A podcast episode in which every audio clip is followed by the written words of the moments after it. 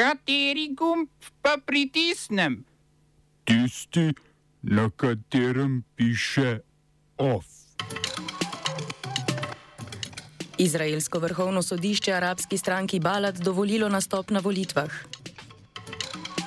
Malezijski premijer razpustil parlament. Srbija in Kosovo potrdila obstoj francosko-nemškega predloga o statusu Kosova. Priti ali ne priti del pesniškega večera pa v kulturnih novicah.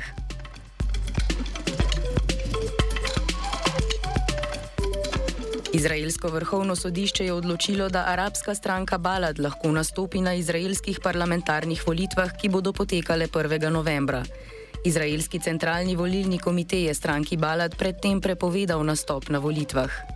Kot razlog je navedel, da stranka ne priznava Izraela kot demokratične judovske republike. Z odločitvijo vrhovnega sodišča je prepoved zdaj umaknjena. Odločitev volilnega komiteja je temeljila na intervjuju iz leta 2021, v katerem je predsednik arabske stranke Sami Abu Shehade podprl spremembo izraelske zastave in himne. Nasprotoval je tudi tako imenovanemu zakonu o povratku, ki omogoča judom z vsega sveta, da pridobijo izraelsko državljanstvo. Na podlagi tega zakona se sicer dogaja sistemsko in nenasilno izseljevanje palestinskega prebivalstva iz njihovih domov. Sodišče je v ločenem primeru presodilo, da mora dolgoletni premijer in trenutni vodja opozicije Benjamin Netanjahu vrniti 270 tisoč dolarjev, ki jih je prejel od pokojnega bratranca kot sredstva za pravno obrambo sebe in svoje žene. Sodišče je odločilo, da je bilo to v nasprotju z izraelsko darilno zakonodajo.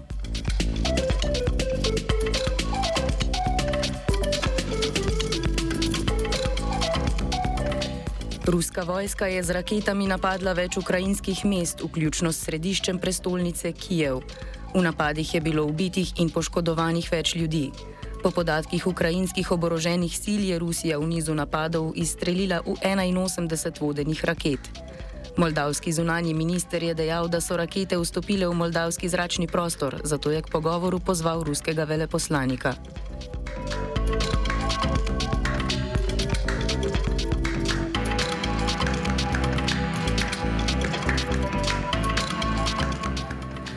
V soboto zjutraj je na Krimskem mostu odjeknila eksplozija tovornjaka, za katero Rusija obtožuje ukrajinske tajne službe, Ukrajina pa odgovornosti ni prevzela.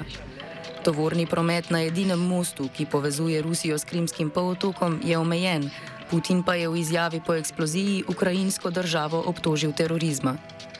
Rusko obrambno ministrstvo je medtem imenovalo novega generalnega poveljnika ruskih sil, ki delujejo v Ukrajini, To je postal general Sergej Surovikin, ki je sicer tudi poveljnik ruskih zračnih sil. Putin je generalno vodstvo vojske v Ukrajini zamenjal po več porazih na fronti. Danes so jedrsko elektrarno v Zaporožju sicer ponovno priključili na omrežje. Elektrarna je pod nadzorom ruskih oboroženih sil, v njeni bližini pa dnevno potekajo spopadi.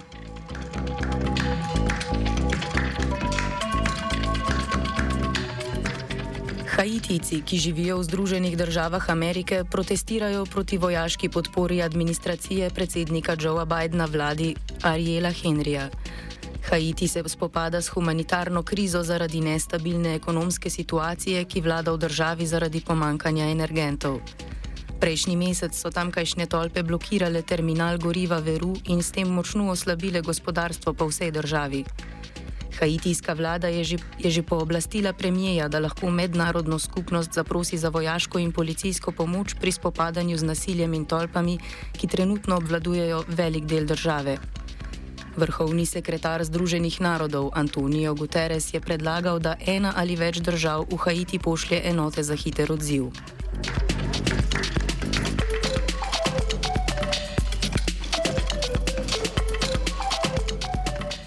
Malezijski premijer Ismail Sabri Jakob je razpustil parlament in napovedal predčasne volitve v največ 60 dneh. Sabrijeva odločitev je posledica nesporazumov in bojev za moč znotraj koalicije. Redne volitve bi morale biti na sporedu čez 9 mesecev. V Maleziji vlada politična nestabilnost že vse od volitev leta 2018, ko prvič po več kot 60 letih predsednik vlade ni postal član stranke Združene malezijske nacionalne organizacije. Takrat je na oblast ponovno prišel nekdani član te stranke, Mahatir Mohamed, ki je iz stranke izstopil zaradi korupcijskih afer, zaradi katerih je v zaporu pristal njegov predhodnik Najib Razak. Od leta 2018 so se v vladni palači zamenjali že trije premijeji.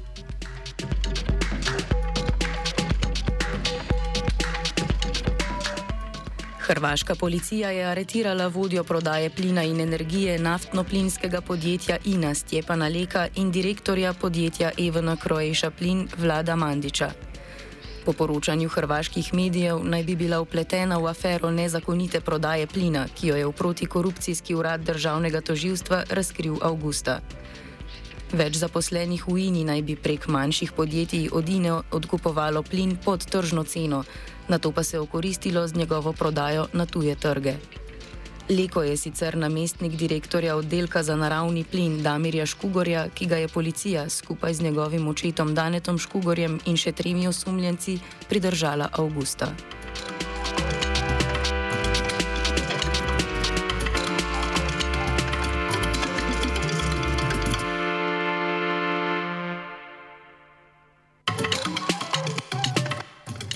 V Beogradu in Prištini so potrdili obstoj francosko-nemškega predloga načrta za dokončno ureditev statusa Kosova. Srpski predsednik Aleksandar Vučić je v izjavi za medije dejal, da predlog obstaja. Del njegove vsebine naj bi bil, da Kosovo dobi članstvo v Združenih narodih, Srbija pa finančno pomoč in vstop v Evropsko unijo po hitrem postopku. Vučić je ponovil, da bi bilo priznanje Kosova kot neodvisne države v nasprotju s srpsko ustavo in zato za Srbijo nesprejemljivo. Kosovska zunanja ministrica Donika Grvala je prav tako potrdila obstoj francosko-nemškega dokumenta, Vučiča pa je obtožila, da je povedal le 10 odstotkov resnice in da je francosko-nemški predlog zgolj osnova za nadaljna pogajanja. Smo se osamosvojili nismo se pa osvobodili. Da se naštete še 500 projektov. Izpiljene modele, kako so se strani nekdanje LDS rotirali. Ko to dvoje zmešamo v pravilno zmes, dobimo zgodbo o uspehu. Takemu političnemu razvoju se reče udar. Jaz to vem, da je nezakonito, ampak kaj nam pa ostane? Brutalni obračun s politično korupcijo. To je Slovenija, tukaj je naša zemlja, to je Slovenija, Slovenija. Pred radio televizijo Slovenija so novinarji izrazili nasprotovanje grožnjam, ki jih dobivajo od vodstva hiše.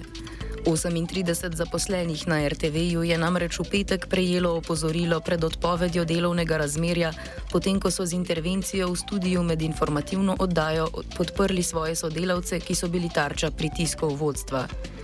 Generalni direktor je zaposlenim poslal opozorilo, v katerem se sklicuje na hišni red in jim očita nepooblaščen vstop v studio. Za voditeljem so stali celih 22 sekund. Podpredsednica na novo ustanovljenega sveta delavcev in nekdanja varuhinja pravic gledalcev ter poslušalcev Ilinka Todorovski, direktorju televizije Urošu Urbaniji sporoča, da cinizem ne vodi nikamor da si ugleda in spoštovanja pri svojih podrejenih nikakor in nikoli ne moreš pridobiti z cinizmom, podcenjevanjem in spisanjem okorov. Of je pripravil vajenec Pero, zraven je bluzil Fin.